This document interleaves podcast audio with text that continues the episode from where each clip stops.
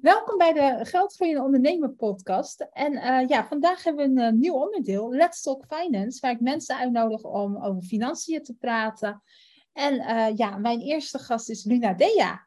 En misschien ken je er wel. Um, ja, um, ja, Luna Dea is nu denk ik ongeveer bijna een jaar geleden dat we elkaar ontmoet hebben. Ja. en het is ben jij klant bij mij. En ja, ik, je denk, ik denk dat je een van mijn bijzondere klanten ben. Ik heb natuurlijk heel veel coaches en uh, ik weet niet wat ik allemaal heb, maar ik denk dat jij wel een van de meest bijzondere uh, klanten bent. Want uh, ja, Lina Dea, hallo, welkom. wat doe jij? Hi. Hi. ja, ik, um, ik zal maar gelijk met de deur in huis vallen. Ik ben een heks. En um, ja, voor mij is een heks iemand die heel erg verbonden staat met de natuur en daar ook de bezieling in voelt en werkt met die bezieling. En dat werken, dat doe ik in de vorm van rituelen. Maar dat is iets wat ik voor mij persoonlijk voel, leef. En dat is, dat is mijn levenswijze. Ja. Maar ik merkte toen ik daarmee begon, dat um, toen ben ik ook vrij snel met een website begonnen. En er kwamen gelijk ook heel veel vragen van mensen over ja, wat, hoe, is dat dan en hoe begin je daar dan mee? En, um, dus, dus eigenlijk vanaf het begin, 23 jaar geleden of zo, um, heb ik vooral heel veel. Al? Dat wist ik ook niet, dat het al 23 jaar geleden was. Ja, ja dat was september 1999. Oh, toen, wow. toen merkte ik van hé, hey, wat ik doe, wat ik voel, wat ik beleef, dat is hekserij. En mijn website ben ik in 2003 begonnen. Dus dat, dat is dit jaar precies 20 jaar geleden. En eigenlijk vanaf het begin heb ik al mensen ja, begeleid op hun heksenpad. Hoe zij daar verder verdieping in konden krijgen. Hoe zij meer informatie konden krijgen om er zelf mee aan de slag te gaan. Dus ja, dat doe ja, ik nog steeds. Vind, uh, zeg maar fascinerend, want uh, naar aanleiding van uh, zeg maar dat ik jou leerde kennen, heb ik me ook in verdiept, hè, van de, de boeken gelezen, van, ook van Suzanne Smit natuurlijk, die daarin zit. Heet Suzanne Smit toch? Ja. en, maar gewoon ook wat jij doet, want het is, kijk, weet je, er wordt natuurlijk, nou ja, daar hebben we, het, we hebben natuurlijk een voorgesprek gehad, net over gehad, er wordt natuurlijk best wel heel raar gedaan, of als je het vertelt van ik ben heks. Ja, je krijgt denk ik, uh, of ja, weet ik wel zeker, soms hele negatieve uh, meningen. Terwijl het zo fascinerend is en zoveel met de natuur te maken heeft. Um, ik denk dat we gelijk kunnen uit, uit de weg kunnen hapen. Je, werkt, je hebt geen bezemstil, je hebt geen, werkt niet met toverspreuken. Harry Potter is niet jouw beste vriend, zeg maar. Maar dat soort dingen denk ik wel dat je allemaal om je oren krijgt. Ja, klopt. Ja, ik heb vrij recent ook wel um, twee interviews uh, gedaan. Eén voor Linda en één voor de Telegraaf.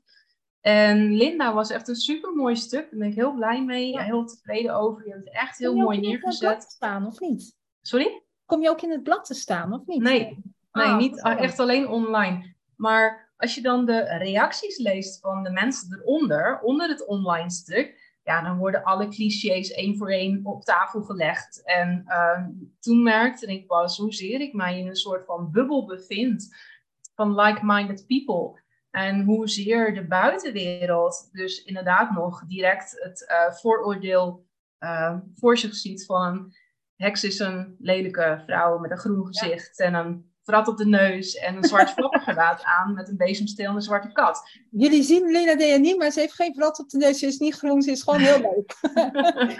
nee. Heb je een zwarte kat of niet? Dat zou nog wel leuk zijn. Dat zou nog wel hilarisch zijn. Sorry? Heb je een zwarte kat? Ik heb wel een zwarte kat namelijk. Nee, nee. Ik heb, ik heb ja, voorheen wel, maar um, ik heb twee keer een zwarte kat gehad en ik merkte beide keren dat waren echt... Uh, ja, boerderijkatten, die moesten buiten zijn, die hadden heel veel energie. En ja, dan zit je op een plekje niet goed met een kat. Dus ik heb ze daarnaast, uh, ik heb ze een paar jaar gehad. En toen heb ik een heel fijn huisje voor ze gevonden op een boerderij. Met heel veel grond en heel veel ruimte voor ze om te ah. En inmiddels denk ik van nou, ik, um, ik ben nog te veel met mijn bedrijf bezig om echt tijd en liefde en aandacht te kunnen hebben voor, een, voor, een, voor huisdieren. Hoe graag ik ook katten of honden wil, ik, ik hou van alle twee. Uh, ja, ik vind dat je echt ja, gewoon wel goed aandacht voor een dier moet hebben. En uh, ja, mijn, ondanks dat hekserij heel erg in de natuur is, um, is het voor mij als business heks gewoon heel veel achter de computer. Ja, dus, ja want vertel, want uh, 2003 heb je je website gedaan. Uh, hoe ben, was je toen gelijk ondernemer of wanneer ben je echt ondernemer geworden? Tien jaar daarna. Ja, dat was in 2013 pas. Uh, het is afgelopen zondag, dus 18 juni, ja. is het exact tien jaar geleden dat ik mijn bedrijf heb ingeschreven bij de KVK. Um, ik was toen al bezig met uh, bijeenkomsten organiseren. Dat deed ik al twee jaar. En ik had toen al um, ja, zo'n rubriek dat je vragen in kon sturen die ik dan beantwoordde. Um, een soort uh, help Mona. Vroeger had je bij de story Mona. Ja, ja, zoiets inderdaad. Dat had ik toen. En ik gaf ook uh, weekendworkshops en zo. En, dus ik deed al heel veel. Maar off the grid. En toen ik op een gegeven moment mijn, uh, mijn gewone particuliere baan kwijtraakte. Uh, omdat ik te veel aan het bloggen was voor mezelf. toen, uh, ja, ik voor, voor qua normale baan. Nee, nee, mijn baas vond dat niet zo leuk. Die had zoiets nee, maar wat deed jij? Wat, wat, wat ik deed? Ik was um, ik, het, ja, binnendienstmedewerker op een P&O-afdeling.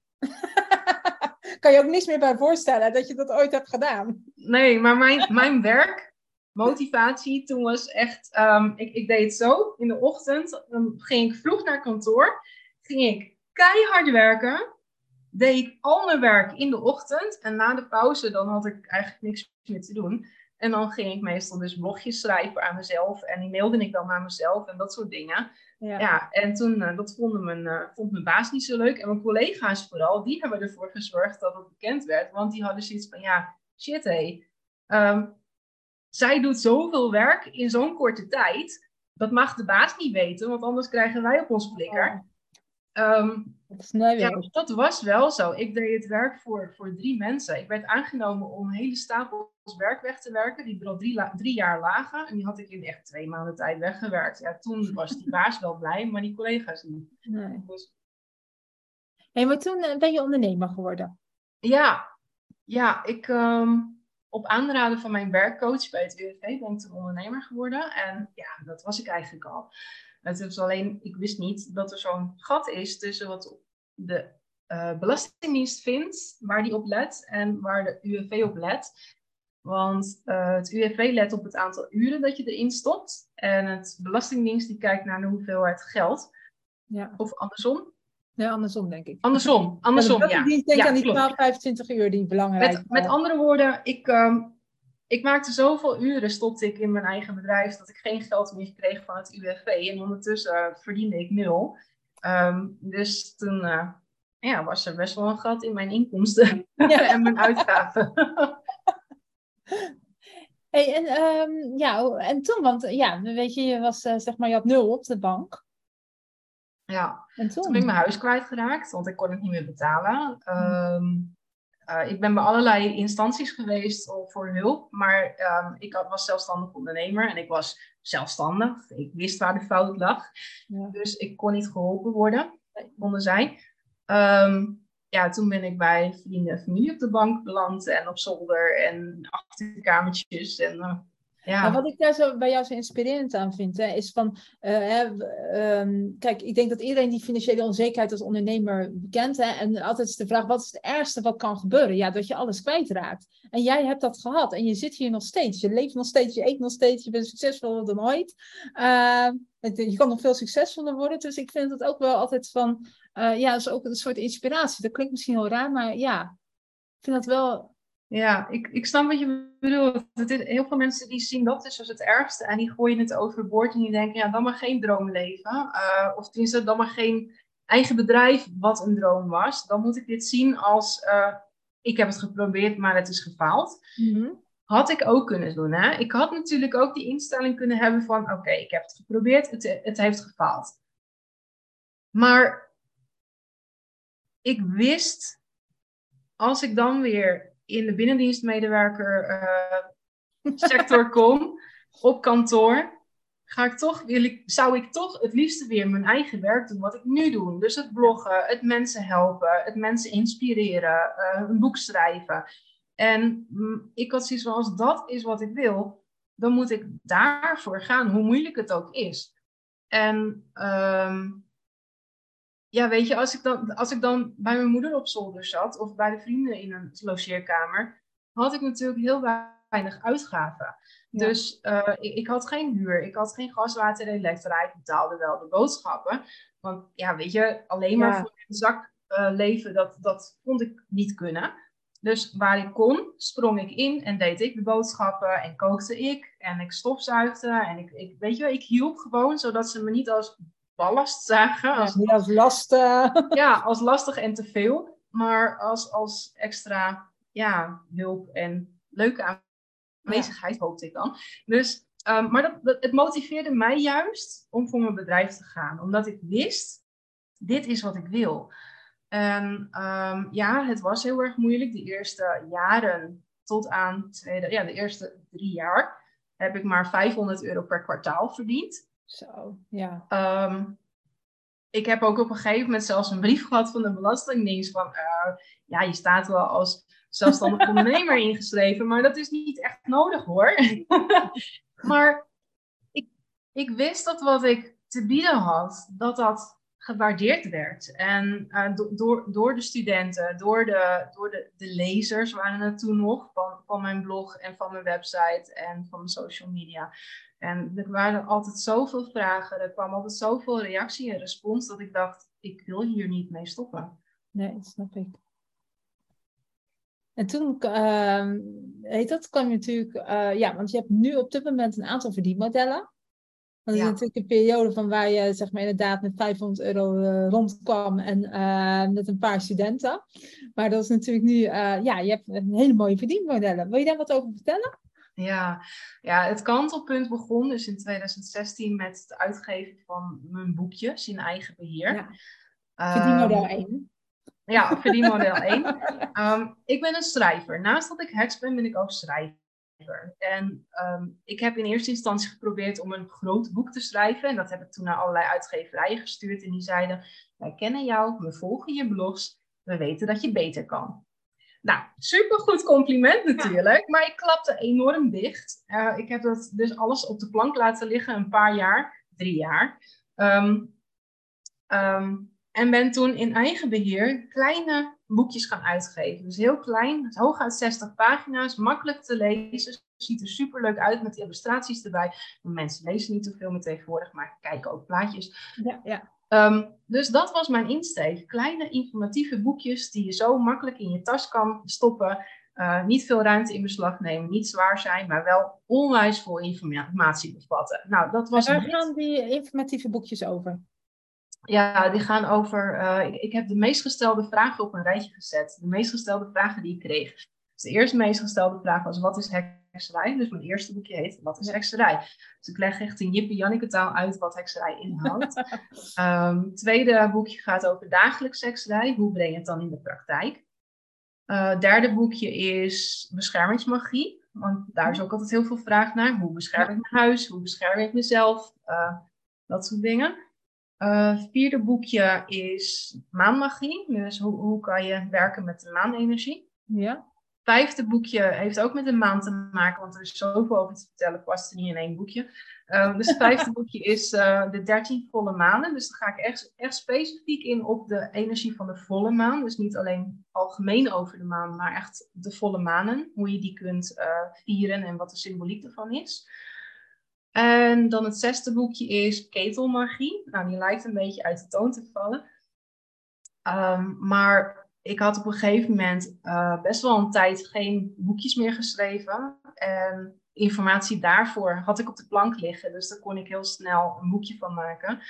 Dus um, ja, ik heb nu zes boekjes in eigen beheer. Die kan de mensen ook nog steeds kopen. Hè? Stel dat je denkt van hé, hey, ik wil wat meten over maanenergie energie of zo. Ja, ja. ja, via mijn website lunadea.nl. En uh, er zijn ook een aantal spirituele winkels waar ze liggen, maar niet heel veel. Je kan ze bijvoorbeeld niet vinden op bol.com of zo, want ik heb ze in eigen beheer uitgegeven. Ja. Maar dat is natuurlijk voor jou een heel mooi soort van passief inkomen die, die boekjes zijn geschreven. Uh, ja, die ja, verkopen zichzelf vind ik een groot woord. Maar uh, het is natuurlijk, je hoeft niet iedere keer heel veel, uh, je hoeft niet iedere keer opnieuw te schrijven. Nee, ik hoef ze niet opnieuw te schrijven, maar ik moet er wel af en toe aandacht aan besteden op mijn social media. Want ik merk wel, als ik dat niet doe, dan, dan komen er heel weinig um, op, Ja. ja. aan, eh, hoe zeg dat? Bestellingen. Ja, Dus ehm, ja, en in die zin is het niet helemaal passief, want ik moet ze nog wel zelf bestellingen verwerken. Dat heb ik nog wel in eigen beheer. Ik ben wel bezig met mijn team, want inmiddels heb ik een team. Ja, dat, dat- twee- ja, ik vind het zo inspirerend van dat jij op de bank lag met, eh, zeg maar, eh, bij vrienden, tot nu dat je gewoon een eigen team hebt en ja, volgens mij vier, drie of vier verdienmodellen. Het is natuurlijk geweldig. Ja, ja, daar zit een heel groot gat in. Dat je denkt misschien nu als je dit luistert van, hè, hoe gaat het van boekjes naar tien? Nou, ik zal het even proberen. Ik, ik ben altijd heel langdradig met vertellen. Ik ben een schrijver, dus ik heb heel veel te vertellen. Maar- dat- je ontdekt. Ik denk wel dat je een goed punt eraan staat. Hè. Kijk, passief, eh, heel veel mensen denken passief inkomen makkelijk is, een online programma of boekjes of wat dan ook. Maar mensen vergeten altijd dat je het altijd moet promoten. Ja, je moet het altijd promoten. En, en ook al heb ik echt 10.000 volgers of 14.000, heel, heel veel volgers op Instagram. Als ik niet laat weten dat ik ook boekjes verkoop, Ja, dat je dan ook gewoon- zien ze ja, dat niet. Want Nee. mensen gaan tegenwoordig volgen social media en gaan niet meer zo snel naar een website van iemand. Terwijl daar dus wel zichtbaar is dat ik boekjes heb. Dus ehm, ja, ik moet het gewoon af en toe nog blijven promoten eh, in mijn nieuwsbrief en in mijn eh, social media, in mijn stories. En dan heb ik gewoon ja, best wel redelijk eh, wat bestellingen per week. En ja, het is dan niet helemaal passief, want ik moet ze dus zelf ook nog wel inpakken en naar de post brengen. Ja. Maar het is, weet je, het, het, ehm, het verdienmodel daarop is dat ehm, ehm, mijn, omdat ik het allemaal in eigen beheer doe. Meestal als je een boek via een uitgever, dan krijg je echt vijf, of zeven, misschien tien als je geluk hebt, 10% eh royalties. En that's it. Dus als jouw boekje dan 10 euro kost, dan krijg je 1, 1 euro. Op Ja. zijn meest. Ja. Ja, dan Ehm, heb je nog geluk ja. hoor. Dan, eh, dan heb je echt geluk. Dan heb je geluk als je 10% krijgt tegenwoordig. Vroeger was het 15 of 20%, tegenwoordig is het echt 7 of 10%. Dat is natuurlijk helemaal niks. Ja, het voordeel is dat je zelf niet de vormgeving doet, dat je alleen maar hoeft te schrijven, dat je niet de verzendingen en dergelijke doet. Dat gaat dan automatisch en dat het op bol.com staat. Maar, maar 1 euro per boek is natuurlijk echt niet veel. Nou, heb ik het dus in eigen beheer, dus ik moet al die dingen wel zelf doen. Ja. Maar mijn uitgaven op zo'n boekje zijn ja, dusdanig dat ik, nou denk, 70% overhoud. Ja. Dus Ja, ik ken ook heel, ik ken eh, best veel mensen die een boek hebben geschreven, maar vooral in, eh, zeg maar bij een eh, uitgeverij. Nou, daar word je echt niet rijk van. Ik heb nog nooit iemand rijker van zien worden. Ja, Suzanne Smit of zo. Maar ja, goed, Ja. Die, heeft die heeft inmiddels 30 boeken op de naam staan. Dus dat is wel Ja, dat zijn zeg maar anders. uitzondering, maar niet de ondernemers. Hè. Je hoort heel veel ondernemers, oh, ik ga een boek schrijven, dit en dat. Is ook een heel veel, Nee, ondernemers niet. nee. nee. Ja, inderdaad, Suzanne Smit, de grote, zeg maar, in Nederland natuurlijk wel. Maar Ja. ja, tenzij je boek vertaald wordt naar het Engels. Want dan heb je, ligt de hele wereld aan je voeten natuurlijk. Ja, dus ehm, dan, dan heb je wel kans dat je er best een leuke zakcentje aan overhoudt. Maar ja, meestal is dat echt heel weinig. En toch is het, ik kies ervoor dan om het een van mijn verdienmodellen te laten zijn. Omdat ik nou eenmaal heel graag schrijf. Ik, Ja. ik moet creëren, ik wil schrijven. En naast die boekjes in eigen beheer, die zijn opgemaakt door een uitgeverij. En die hebben mij in, op een gegeven moment in 2019 gevraagd: wil jij een boek voor ons schrijven? En ja, dat zijn er nu twee. Ze zitten te wachten op een derde. Maar ik heb gezegd: ik wil En geen eh, haast. iets van volgens mij de Groene Heks, geloof ik. Eh, de Weg van de Heks is het eerste boek. Die Ja? kwam in 2000 uit, begin 2000. En ehm, toen, nou ja, er heeft nog geen twee maanden tussen gezeten. Toen vroegen ze alweer een volgend boek. Dus dat was een succes, anders vroegen ze er niet naar. Nee. En toen heb ik Heks in het Groen geschreven. En het eerste boek is meer echt voor guidance op je weg. Ehm, als je denkt van hekserij vind ik wel interessant. Wat houdt het dan in en hoe kan je dat dan je levensstijl maken? En het tweede boek, Heks in het Groen, dat gaat echt over... Oké, je bent een heks.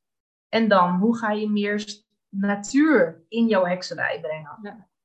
En Ja. ook voor niet-heksen die zich verbonden voelen met de natuur, is dat natuurlijk een hele mooie. Ja, daarom. Ik wou zeggen, ik, zeg, ik ben nog Guideline. geen heks, maar ik vind het heel interessant. En ik heb je boek gelezen, vooral die in het groen vond ik heel interessant. Van, hé, wat kan je met dat en eh, hoe je daar meer in de natuur mee bent. Ja, Dat is al gewoon inspiratie. ja. Dat, uh... hey, maar goed, je had zes boekjes, toen twee boeken en toen? Ja, en toen, nou ergens daartussenin um, ben ik een jaaropleiding gaan schrijven. En dat was in 2015 geloof ik. In eerste instantie op papier. Ik had een beetje gekeken naar CIVAS, want dat is natuurlijk een hele grote op dat gebied. Ja. En uh, daar kon je toen de tijd kiezen uit 200 opleidingen. En dan kreeg je bundeltjes, bundeltjes papier, uh, ja, uh, hoofdstukken toegestuurd thuis.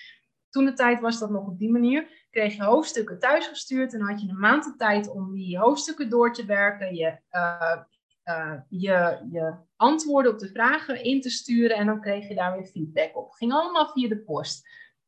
Dus ik heb dat dan ook met de post gedaan. Ik heb uh, een paar jaar lang heb ik ja, iets van 150 studenten elke maand bundeltjes papier toe zitten sturen met hoofdstukken. En dan had ik hele lijsten voor me wie welk hoofdstuk bekreeg. Want ze konden op elk moment winkel ook gewoon, echt.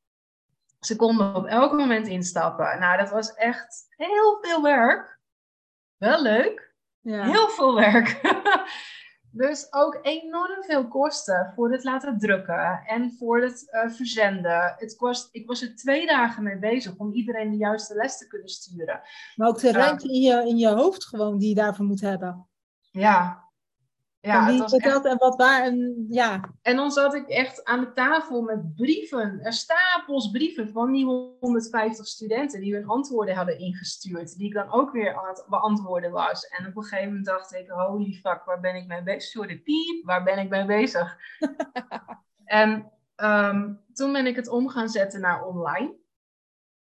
Maar ik had toen nog nooit gehoord van een, uh, online leeromgeving en een CMS of weet ik veel, hoe, automatisering, dat, dat wist ik allemaal niet. Dus dan zat ik nog steeds met lijsten voor me om de hoofdstukken te mailen naar de mensen. Ehm, ja, dat was ook ik heel vind jou, uh, jouw naam ook uh, van de online omgeving fantastisch. Ja, ja. Want hoe, hoe heet jouw programma? Ja, mijn programma heet, um, ja, ik, ik heb een Hex Academy opgericht. Ja, dat is fantastisch. ik hou van die naam. ja, ik vind het, ik vond het, ik hou van woordspeling. Ja, dat is echt een stukje um, uh, lerares en, um, en, en uh, um, uh, taalkundige in mij. ik hou van die woordspelingen. Ik, ja, wat ik zei, het, het, dat ook toen het online was, was het zoveel werk voor mij. Toen ben ik me pas gaan verdiepen in hey, er bestaat tegenwoordig, en dat was toen 2019 of zo, bestaat tegenwoordig ook zoiets als een online leeromgeving.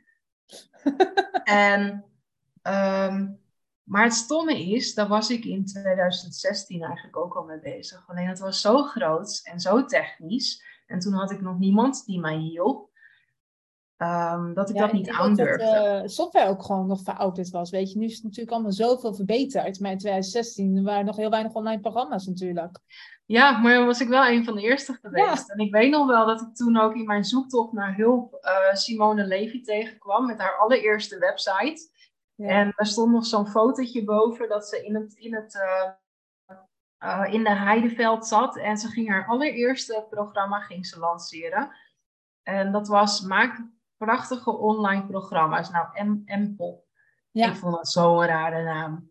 En toen heb ik haar nog gebeld, want toen stond er nog wel, als je interesse hebt, stond een telefoonnummer bij. In Apeldoorn, waar ik toen ook woonde. Heb ik nog haar aan de telefoon gehad, maar ik, ik bleef struikelen over die naam, omdat ik dacht, nou, dat kan je toch niet serieus nemen. Dus dat heb ik toen niet gedaan. En nu denk ik, wauw, nu is er echt eens zo'n miljoenenbedrijf. dus uh, maar ja, weet je, niks gebeurt zomaar. Ik was er op dat moment gewoon niet aan toe. Want, uh, en misschien was de mens er toen ook nog niet heel erg aan toe om alles online te gaan doen. Uh, dat is echt pas, ja, naar mijn idee heeft het een mega vogelvlucht gekregen in de coronatijd. Daarvoor ook al wel een beetje. Maar ik denk pas echt. Ehm, dat er ook steeds meer interesse is uh, ja, voor de hekserij, maar gewoon voor heel dat gedeelte ook dichter bij de natuur. Dat daardoor ook misschien wel enorme groei is geweest. Zeker in ja. coronatijd. Ja, klopt. Dat ook hoor. Het is, um, ik, ik merkte het ook. Um, dat, nou, dat was natuurlijk tegelijkertijd een beetje met het uitkomen van mijn eerste boek. Dus komt het succes dan omdat mensen thuis zaten, binnen zaten, op zichzelf aangewezen waren en dachten: ja, als ik niet mag werken, ik mag ook niet naar school, ik mag mijn vrienden niet zien, ik mag zelfs niet buiten lopen. Nee. Wat blijft er dan nog over? Wie ben ik dan nog? Dus dat stukje zingeving heeft toen wel het, zoeken naar zingeving, moet ik zeggen. Dat heeft toen wel in de coronatijd echt een, een vogelvlucht gemaakt.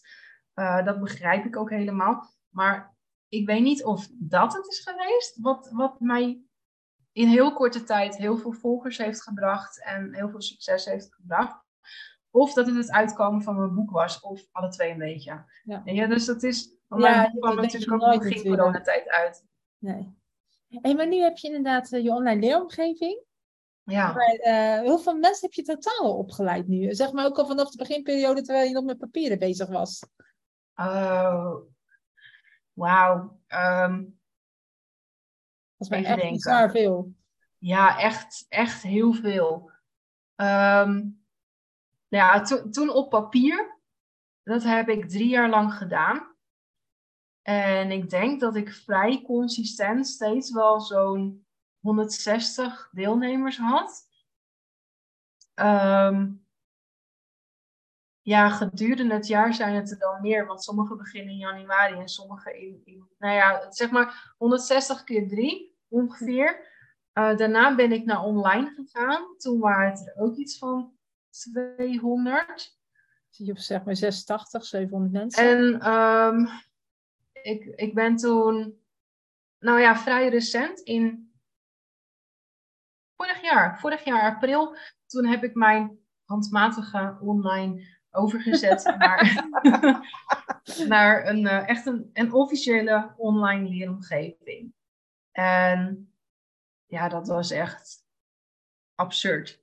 Het is, ik heb niet vanaf 2019 tot vorig jaar heb ik uh, uh, dat online gehad hoor. Met dat handmatige, dat heb ik echt maar één of twee jaar gedaan. Um, en toen ben ik één of twee jaar, heb ik niks gehad en heb ik gezegd, ik ben bezig met een online leeromgeving, maar het duurde gewoon even voordat het allemaal gebouwd was en alles. Ja. Um, en toen ik vorig jaar april online ging daarmee, met de Hex Academy dus, um, had ik 400 leerlingen. Ja, dat is fantastisch. En bij de tweede lancering, tweede ronde, die ik in november ben gestart, waren er ook weer ruim 200. Ja. 230 of zo misschien nog wel meer. Het, het, was nog net geen 250. Dat weet ik wel. En afgelopen april heb ik een derde ronde gestart. Ehm, maar daar had ik heel weinig tijd voor, want ik zat midden in mijn verhuizing. Ik zat midden in nou ja, allerlei verschillende redenen waarom ik bijna niet online was. En um, toen zijn er maar, maar ja goed, dat is ook echt een hoog getal ehm, voor heel veel, zijn er maar 130 ingestapt. Dus ja, over de jaren heen heb ik echt een paar mensen. duizend mensen. Ja, fantastisch. Dat is toch gewoon geweldig. Ja. Hey, en uh, wat zijn jouw verdienmodellen? Dus je hebt inderdaad een online leeromgeving, uh, je hebt je boekjes. Uh, volgens mij heb je ook nog gewoon, gewoon een paar dingen die geen boekjes zijn, maar gewoon die je los in je webshop kan kopen, volgens mij, toch? Ja, een aantal kaartensets uh, heb ik. En um, standaardjes die daarbij horen en dat soort kleine, kleine geetjes. Maar dat is, um, ja, goed, dat, is, dat is niet heel veel en dat is gewoon meer extra erbij. Hey, en gedurende de reis van je ondernemer, want uh, super interessant hoe jij gegroeid bent. Wat zijn, uh, los even van dat je op de bank sliep bij je moeder en bij vrienden, uh, in je reis daarna, wat zijn jouw meest financiële uitdagingen geweest? Waar je denkt van, wat vond je moeilijk? Uh, financiële uitdagingen. Ja, vond je investeren moeilijk? Of vond je uh, zeg maar het uh, geld op de bank krijgen moeilijk? Of waar, waar liep je een beetje tegenaan? Ja, het investeren vond ik best heel moeilijk. Ik, ik heb, um, maar dat is echt een, een mindset um, overtuiging. Kijk, mijn ouders hadden ook nooit heel veel geld. Mijn moeder had drie baantjes om alles rond te krijgen. En um, Ehm, dus ik ben opgegroeid met het beeld, geld is schaars, geld is er niet veel. En dus heb ik dat zelf ook altijd ervaren. nou ja, goed, letterlijk, omdat ik dus inderdaad met nul zat en op de bank uh, moest slapen bij vrienden. Maar ehm, later is dat nog een keer voorgevallen. Ik ben, ik ben meerdere keren dakloos geweest. Ja. Ehm, en ik heb echt moeten werken aan mijn money mindset. Aan, aan de mindset van, hey, als ik geld heb, dan hoeft het er niet direct uit te stromen. Dus het stukje sparen, dat heb ik altijd heel erg moeilijk gevonden. En best een hele uitdaging. En ook gewoon, wat ik ook altijd een uitdaging vond, om overzicht te houden. Want ik was altijd heel hard aan het werk. En ik wist dat er veel geld binnenkwam, want je krijgt van die meldingen van Molly. Van, die zijn heel leuk, die meldingen. Deze maand is er zoveel overgemaakt en deze, maand, of, eh, deze week is er zoveel overgemaakt. Ik, liet het altijd, ik laat het nog steeds e-, één keer per week uitkeren op maandagochtend. En dat is gewoon heel leuk om dan te zien op maandagochtend um, dat er dan uh, eh, 700 euro is overgemaakt, 800 euro. Ja. Nou, me meestal, ik probeerde op een gegeven moment het gemiddelde op uh, tussen de 1000 en de 1500 per week te, te krijgen. Dat ja. begon een, een, soort uitdaging te worden. Dus ik wist dat er heel veel Maar ik, ik keek nooit op mijn rekening om te zien hoeveel er dan uitging. Ik deed dan de betalingen wel. Het is niet dat ik mijn betalingen niet deed. Ik deed ze wel. Dus ik had het kunnen weten. Alleen dat balansoverzicht, daar keek ik niet naar.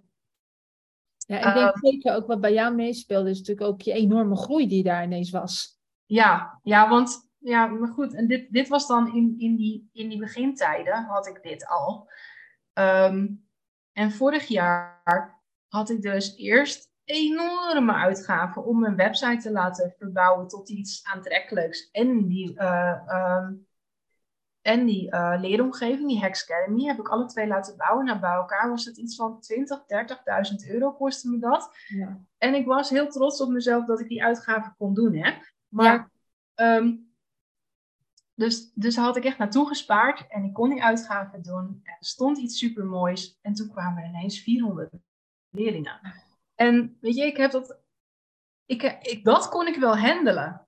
Die 400 leerlingen, weet je, je zet Zoom aan en er staat zo'n getalletje onder dat er 320 aan het kijken zijn.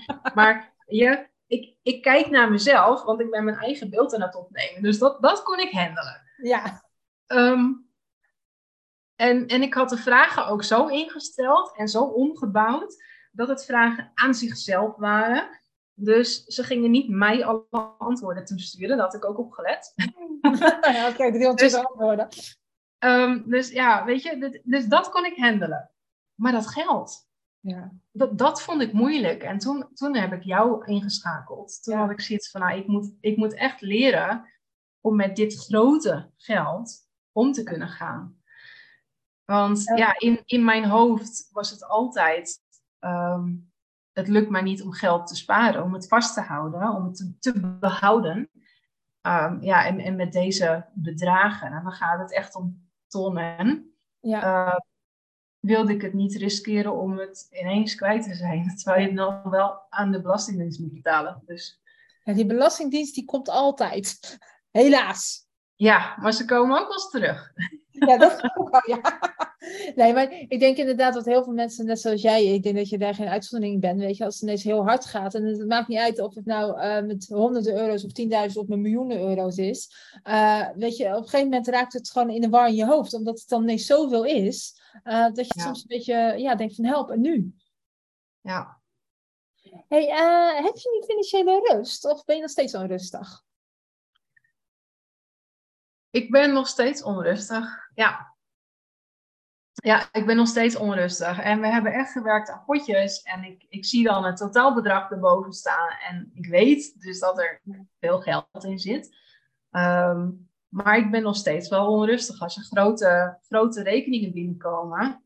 Uh, zoals laatst Zoom, wat ineens weer 500 euro is. Of uh, een fotoshoot, wat dan weer 1500 euro is. Dan zit ik toch altijd eerst even checken of ik het wel heb. Ja. Dus ja, waar ik altijd nog wel last van heb, uh, ook al ben ik goed met geld, ik vind die financiële onzekerheid als altijd ondernemer altijd wel, altijd wel spannend.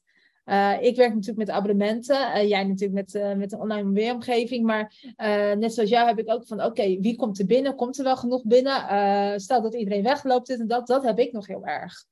Nog ja. steeds. Ja, nou, een mooi voorbeeld. Vanochtend bijvoorbeeld kreeg ik een mailtje van Molly. Uh, er staat een terugbetaling en um, uh, Molly heeft het geld nu niet. Dus kan je dan een bedrag overmaken, zodat er genoeg is voor die terugbetaling. Dat ik dacht, hé, hey, blijkbaar heeft mijn VA, want vanwege dat grote omdat er dus vorig jaar heel veel geld binnenkwam, had ik zoiets van, ja, ik heb zoveel leerlingen, zoveel werk en zoveel geld. Ik ga nu ook VA's inhuren. Ja. Twee. Um, je hebt gewoon doen... een team, hè? Je hebt gewoon een team. Ja, een team. Het zijn er twee, ja. Um, en jou, natuurlijk. Nee, maar ik heb, ik heb dus een team. En zij doen alle e-mails beheren. En dus komen er af en toe dus, zoals die Molly, komt wel bij mij binnen. Um, zij hadden dus gisteren een terugbetaling gedaan van iemand die stopte met de jaaropleiding. En dan betalen we gewoon het, het resterende bedrag betalen we terug. Ik doe daar niet moeilijk over. In de algemene voorwaarden is het heel wat anders. Maar ik doe er niet moeilijk over, want dan blijven mensen nog gewoon blij en tevreden. Ja. Was best wel een bedrag, iets meer, dan 500 euro. En blijkbaar stond, er is nu de laatste weken heel weinig, zijn heel weinig bestellingen geweest. Dus staat er ook weinig op. Molly, geen 500 euro. Ja, en dan denk ik ineens, dan schiet ik ineens weer in. Er is een tekort. Maar ja, goed, dat was natuurlijk alleen maar op Molly. En ja. gewone rekening. Ja, grappig is dat, hè? dat het nog steeds ergens. Uh, ik weet ook niet, kijk, je hebt natuurlijk al met money mindset oefeningen en zo, maar volgens mij blijft ook altijd deel gewoon een beetje je basis of een soort paniekreactie, wat er altijd is. Ja. Ik denk dat dat, ja. Ja, en toch wil ik er vanaf. Ik, omdat ik, omdat ik ook, ik weet, ik weet gewoon dat er genoeg is. En, ja. Um, ook, ook over het algemeen, weet je, er is gewoon genoeg voor iedereen. En uh, ook wereldwijd gezien. En dat is een heel, heel discussie natuurlijk, want er zijn mensen in Afrika en bla bla. Maar goed, in principe, in principe is de wereld zit zo in elkaar dat er genoeg moet zijn voor iedereen. Dat iedereen kan leven in overvloed. Niet alleen in genoeg, maar ook in overvloed. Dat, dat bestaat, dat is er gewoon. En dat is gewoon een hele diepe overtuiging die ik ook heb. Dus ja, waarom dan zo'n tekort ineens omhoog schiet. Ja, dat zal wel een heel oud patroon zijn. Ja, ik denk dat het ook inderdaad oude patroon zijn. Nee, ik geloof het ook dat het gewoon genoeg is voor iedereen. Dat je altijd aan geld kan komen. Ja. Dat denk ik ook altijd. hey, uh, want uh, ik vind het wel een mooi buggetje. Van, uh, want natuurlijk uh, met hekserij, zegt hekserij iets over geld, hoe je daarmee moet omgaan? Of wordt heksen, of geld eigenlijk helemaal niet genoemd in de hekserij? Nou ja, geld is altijd wel een dingetje in hekserij. Het is er niet in hekserij zelf, maar in heksenland. Dus dat, is, dat zijn de mensen die uh, andere heksen begeleiden. De andere heksenjuffen en meesters, zeg maar. Ja. Uh, daar is geld best wel een dingetje, omdat op een gegeven moment in de jaren 50 van het vorige 1950, zeg maar, rond die tijd, zijn er allerlei Wicca-groepen begonnen. Mm -hmm. uh, om hekserij vanuit de schaduwen, vanuit de oudheid weer omhoog te halen, bekendheid te geven. Super mooi dat ze dat gedaan hebben. Is een bepaalde type hekserij wel. Um, maar zij deden dat allemaal gratis. Want hekserij is magisch en magisch is ongrijpbaar. Magisch is er wel, maar bestaat eigenlijk niet. Of bestaat wel, maar is het, ja, niet weet dat. Ingewikkeld. Um, dus dus het moet gratis zijn. Alleen tegen, tegen koffie- en theeprijzen eventueel kan je zeggen, uh, mogen ze betalen voor de kennisoverdracht. Ja. Maar dan wordt er dus geen waarde geplakt op de kennisoverdracht. Terwijl ik van mening ben dat kennis mag ook voor betaald worden. Is ook heel normaal, zie je ook in onze maatschappij. Je moet ook betalen voor de basisschool, voor de middelbare school, voor de universiteit, voor het HBO voor allerlei cursussen en workshops. Maar voor hekserij zou dat dan niet mogen. En ja, dat, nou, dat, dat, ik, ik heb een andere mening erover. ik heb zoiets van, ik heb, ik heb ook moeten leren, ik heb de tijd in die moeten investeren. Ik doe nu ook heel veel investeringen om online leeromgeving omhoog te, ja, online te houden. Om uh, mails te kunnen beantwoorden. Uh, weet je, ik heb een team ik heb onwijs veel uitgaven. En kennis, daar zit ook een waarde aan. Ja, zeker. Want zeker. door de kennis die je opdoet, groei jij als persoon. Ja, en daar hoort ook een waarde aan te zitten. En als je dan kijkt naar bijvoorbeeld shamanisme, die zeggen dat wel. Die zeggen, jouw persoonlijke groei heeft wel degelijk een waarde. En dat is een vrij grote en hoge waarde in shamanisme ook, omdat je daar niet alleen qua, uh, omdat je daar ook innerlijk heel erg door gloeit en dat dan ook weer uh, uitstraalt. Dus jij verandert als persoonlijkheid. Dus zij zeggen, je betaalt met kennis betalen, betekent dat je een nieuwe persoonlijkheid aanneemt of accepteert. Dat is ook veel waard, hè? En dat is heel veel waard. En dan denk ik, ja, dat, dat vind ik, daar zit, ja, daar, daar, daarom vraag ik gewoon nu ook uh, best wel een, een, een hoog bedrag voor mijn jaaropleiding. Maar het zijn 16 lessen die je dan krijgt. Je krijgt bonuslessen bij, je krijgt zelfs gastlessen erbij, je krijgt uh, heel veel uh, Zoomlessen er nog bij van mij, naast die 16 lessen in de, jaar, of in de leeromgeving. En een inleiding op locatie. En het zou natuurlijk heel raar zijn als je het helemaal gratis zou weggeven. Weet je, dat klopt ook gewoon niet. Dat zou niet eens kloppen. Nee, dan had ik erbij moeten werken. nee, maar ook hoeveel liefde en hoeveel tijd en hoeveel uh, ja, nou ja, liefde echt en energie erin stopt. Uh, ja, dat klopt toch energetisch niet als je dat helemaal gratis weggeeft. Nee, vind ik ook niet. Dan, weet je, dan, dan word ik alleen maar le leeggetrokken. Dan geef ik alleen maar en krijg ik er niks voor terug. Dus dan is die balans gewoon helemaal scheef. En het rare is dat meestal de meeste mensen ook van mening zijn dat als iets gratis is, dan heeft het geen waarde. Nee. Dan, is, dan stelt het niks voor. Nee, dat doen mensen ook echt hun best niet om het te leren kennen of wat dan ook. Dus ik denk ook met jouw doelgroep dat je ook alleen maar hele serieuze mensen krijgt die erin uh, willen stappen. Ja, klopt. En dat merk ik ook. Dat um, uh, als iets heel weinig geld kost, dan zijn het mensen vaak ook heel erg uh, veel eisend.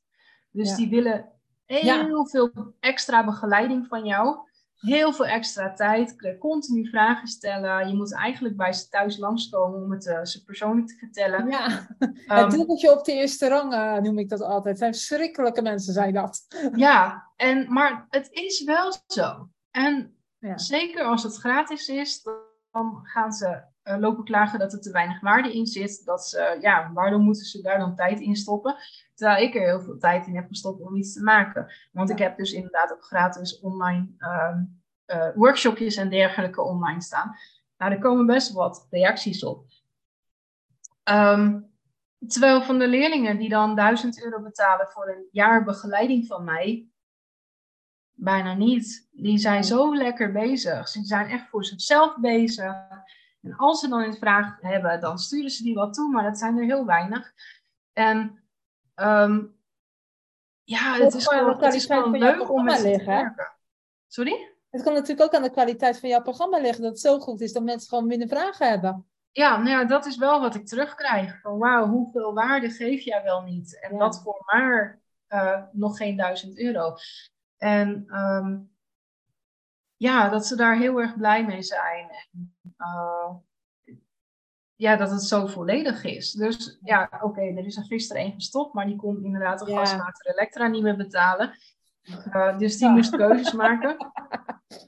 Um, want dat is ook schrikbarend omhoog gegaan. Dus ik ja. begrijp ook best wel dat tegenwoordig, nu ten opzichte van vorig jaar, mensen heel erg nadenken voordat ze hun geld uitgeven. Dat, ik uh... merk het ook hoor. Ik merk dat bij, ook bij meer klanten dat het inderdaad op dit moment de tendens is dat mensen gewoon heel uh, inderdaad uit, ja, kijken waar ze het geld aan uitgeven. Ja. Er is ook helemaal niks mis mee natuurlijk. Ja. ja, maar goed, dat heeft mij wel gemotiveerd om meerdere workshops te gaan maken. Ja. Uh, want ik heb nu eigenlijk alleen deze jaaropleiding online staan en wat gratis trainingen. Uh, maar ik wil meer van, nou niet zulke grote programma's waar ik een jaar commitment aan moet geven, maar juist wat kleinere programma's die ook voor de klant zelf makkelijker aan te schaffen ja. zijn. Dus daar ben ik nu mee bezig. Dat is mijn focus voor dit jaar, om er nog een aantal bij te realiseren in een segment tussen. Ja, ik heb nu alleen nul en gratis, als je het heel plat. Of uh, nee, nul 0 en gratis en 1000 euro als je het heel plat zegt. Ja. En niks ja. daartussen. Nou ja, en dat is voor mijn klant natuurlijk ook niet handig. Zeker niet in een tijd als nu, waar je gewoon echt moet letten op waar je je geld uitgeeft. Dus... En we hebben natuurlijk wel eens over gehad, inderdaad, jij mist gewoon een funnel. Het is inderdaad of niks, of heel veel geld. Of nou ja, heel veel. Het is betrekkelijk. Maar voor de rest, ja, je moet nog even iets ertussen hebben. Ja, ja, en dat is mijn focus voor dit jaar. Ik ben ermee bezig. hey, de laatste vraag. Stel jij financiële doelen? Ja. Ja, ik stel financiële doelen, uh, een jaardoel. En dan ga ik kijken van hoe kan ik dat dit jaar uh, bereiken. Dus ik ga echt opschrijven alle producten en diensten en dingen die ik heb in mijn bedrijf, wat ze opleveren, wat, wat het kost. Um, en dan doe ik het uh, netto, dus echt met de, met de uh, of, ja, zeg maar, met de winst, zeg maar. Nou ja, niet wat de klant betaalt, maar wat ik eraan overhoud, daarmee ga ik rekenen. Ja. En dan ga ik kijken van, oké, okay, als ik er 100 van die betaal of heb, heb en als ik uh, eh, 200 leerlingen van die heb, of als ik uh, 1000 boekjes verkoop, of als ik 300 kaartensets verkoop, hoe, hoe kan ik aan mijn doel komen? En dan ga ik per kwartaal proberen, dan ga ik het weer opsplitsen per kwartaal. Ja. En dan ga ik kijken of ik het in dat kwartaal dus zoveel boekjes, zoveel kaartensets, zoveel leerlingen, studenten uh, kan, kan krijgen. Ja, kijk, en soms kom je net zoals tegen wat je zei, nou, uh, privéomstandigheden ging het dit jaar even iets anders dan verwacht. Dat is ook gewoon, kan ook, hè. Ik bedoel, ja, uh, soms gaat het beter, soms gaat het slechter. Maar ik, ik denk dat het ook heel goed is gewoon financiële doelen te stellen. Ik ben er ook altijd fan van. Ja, en, en ik stel ze ook wel bij hoor. Want begin dit jaar had ik een mega groot bedrag in mijn hoofd. Um, en ik zie, zie nu in uh, dat na het afgelopen half jaar, ik, heb, ik ben begin dit jaar verhuisd. Um, ja, ik wou dat niet noemen. Ik denk, dan moet je zelf vertellen. Maar inderdaad, je bent verhuisd, ja. Ja, begin dit jaar ben ik verhuisd. En uh, heb ik dus drie maanden, zeg maar, fulltime verbouwd. Bijna niet online geweest. Dus ook heel veel, heel, ja, weinig inkomsten gehad. Ja. Daarna ben ik ziek geworden. En dat heeft echt maanden geduurd. Dus weinig online. Dus weinig inkomsten gehad. Ja. En ik red het allemaal wel. Het is niet dat ik een tekort ervaar. Uh, ik red het wel. En het is ook heel prettig om te ervaren dat mijn VA's dusdanig zijn ingewerkt dat ze het goed kunnen ondersteunen allemaal. Ja, en ook, uh, dan ook wel maar, mooi, uh, bij jou. Maar het doel. Sorry? En wat ik ook wel mooi bij jou vind, eh, ook al gaat het ook al zeg maar iets minder dan het doel, uh, ondanks dat je bijna of ja, niet heel veel online bent geweest, dat je nog gewoon steeds lekker gewoon doorloopt met je omzet en winst. Ja, ja, klopt. En dat, dat vind ik zo fijn om te ervaren. Dat vind ik echt een grotere les dan heb ik mijn doel wel gehaald.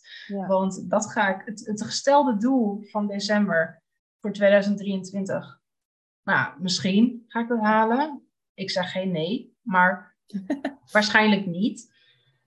Um, maar ik heb zoveel van geleerd van het afgelopen half jaar. En zoveel inzichten gehad van wat is nou precies belangrijk in mijn bedrijf. En um, waar krijg ik nog wel plezier van en waar niet. En, want je moet, ja, als je ziek bent, moet je gewoon keuzes maken. En, en gaan, gaan letten op waar stop ik mijn tijd in. En, en dat is zoveel duidelijk geworden. Dus ja, het is een heel waardevol eerste half jaar van 2023 geweest. Um, en ik zit er niet over in als ik daardoor mijn doel niet ga halen. Heerlijk. Ja, wat ik altijd leuk met jou vind, ook om te Jij bent ook gewoon een echte ondernemer. Hè? Mensen, hè, oh een heks, dit en dat. Maar je bent gewoon echt een ondernemer. Dat is toch heerlijk? ja. Nee, maar ook, ja, jij denkt hetzelfde als ik. Van, oh, dan moet je daar dit halen en dat. En dan moet je zoveel producten verkopen, dit en dat. Ja, dat is toch gewoon heerlijk. Ja, maar weet je, ik, um, best wel veel mensen zeggen ook van, nou ja, maar je bent zo zakelijk. Ja, ehm, En, en run je dan niet je bedrijf op gevoel? En voor, voor mijn gevoel doe ik dat wel. Maar toen ik, toen ik helemaal niet lette op cijfers, in die jaren dat ik dus maar 500 per kwartaal verdiende, toen ik helemaal niet bezig was met mijn inkomsten, daar niet op letten en alleen maar deed wat ik leuk vond, toen toen waren er bijna geen inkomsten. Toen, toen wist ik niet hoe ik klanten kon bereiken. Toen had ik geen idee dat sales wel echt belangrijk is. En nog steeds vind ik sales niet superleuk. Um, maar ik weet dat het wel belangrijk is. Dus om, om een goede, succesvolle zakelijke ondernemer te zijn, ook al zit je in een spirituele branche, moet, moet je wel toch een stukje zakelijkheid gaan creëren in jezelf. Ja, en ook, uh, kijk, cijfers zijn bij bijna geen enkele ondernemer het leukste onderdeel. Omdat natuurlijk daar, hè, ondernemers zijn creatief of uh, andere focus. Maar cijfers zijn zo belangrijk in je business om dat ook gewoon in de gaten te houden. hè, ook waar je aandacht, le- ja, wat noemen ze, waar je aandacht op focust, dat groeit ook. Dus ook Ja. als je met die cijfers bezig bent, dan heb je veel meer door van, hé, hey, wat, wat gaat goed, wat gaat niet goed, waar verdient niks aan, en waar verdien ik heel veel aan. Ja, en weet je, het is, het is ook gewoon. Kijk, mijn bedrijf draait dan wel om hekserij. Het, het, het, maar het is nog steeds een bedrijf. Ik, Ja. ik, kan, ik kan de Belastingdienst niet met Reiki betalen.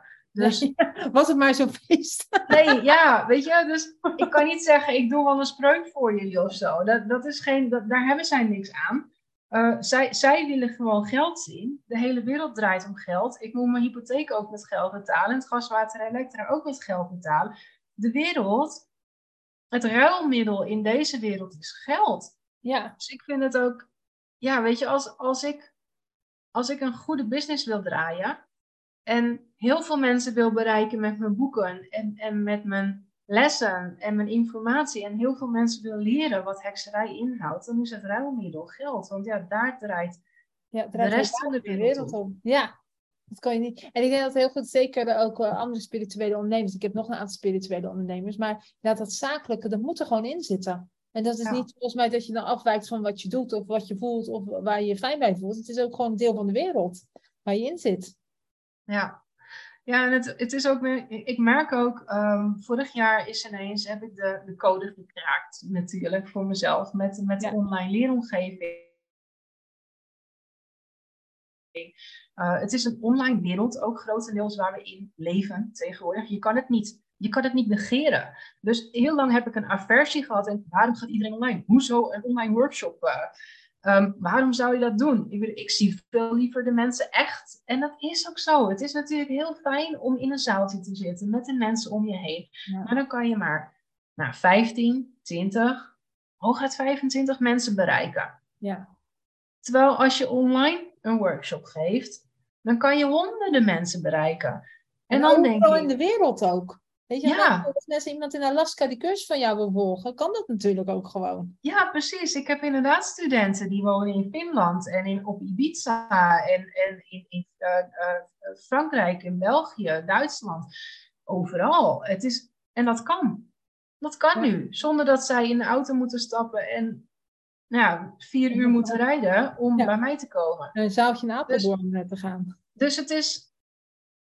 Ik heb ehm, best wel wat mensen die zeggen van ja, maar dan is het niet meer ethisch verantwoord wat je doet. Dat is niet meer eh, in lijn met de magie van, eh, van hekserij. Maar ik vind het juist magie dat er zoiets als internet bestaat en dat ik dus inderdaad een cursus kan geven voor iemand in Alaska en in Finland en Ibiza. En hoe Ehm, mooi is het dat zoveel mensen door deze methode die magie mogen ervaren of Ja. leren ervan. Dat is toch fantastisch? Ja, precies. En het is, eh, ja, en dat, dat, dat zie ik ook als een stukje magie. En dan denk ik, ja, wat is dan beter? Maar 15 mensen raken en inspireren en het gevoel geven van, ik word gezien, ik mag er zijn. Ja. Ehm, Duizenden. of, of een paar honderd, ja, ik weet het wel. Ja. hey, mooi. Ja, daardoor, ik, ja, ik vind je altijd heel, wat je hebt opgebouwd, vind ik zo knap. Inderdaad, ook gewoon inderdaad die les van, eh, je kan alles verliezen, maar je komt, ja, kijk waar je nu staat. Eh, ja, ik vind het, ja, ik vind, ja, ik vind het leuk eh, om met jou samen te werken. Dus dat is heel leuk. Hey, Ja. eh, ik denk dat we hem gaan afronden. Ja, Hey, ik denk even nog een lekker promotierondje. Ben je geïnteresseerd in hekserij of gewoon nieuwsgierig, net zoals ik? Uh, nou, www.linadea.nl is het. Uh, op Instagram kunnen mensen je vinden op Linadea. Uh, je verkoopt boekjes, je kan meedoen met de Online Academy. Ja, met online workshops, joh, de hele wereld kan je met Lina Dea doen. Dus ja, ik zou zeggen, volg het lekker. En als mensen denk ik vragen hebben of interesse hebben, mogen ze bij jou komen, denk ja, ik. kunnen ze gewoon via Instagram een DM of via Facebook Ja. of via de mail. Dat uh, vind ik alleen maar leuk. Ja, ik ben ook, ja, ik uh, volg je altijd met plezier. Dus uh, hoe blauw ik ook ben met finance, ik ben, ja, ik ga je er ook altijd op aan. Dankjewel voor je tijd. Ja, graag gedaan. Warme dag. Dankjewel, Lina Dea. Ja.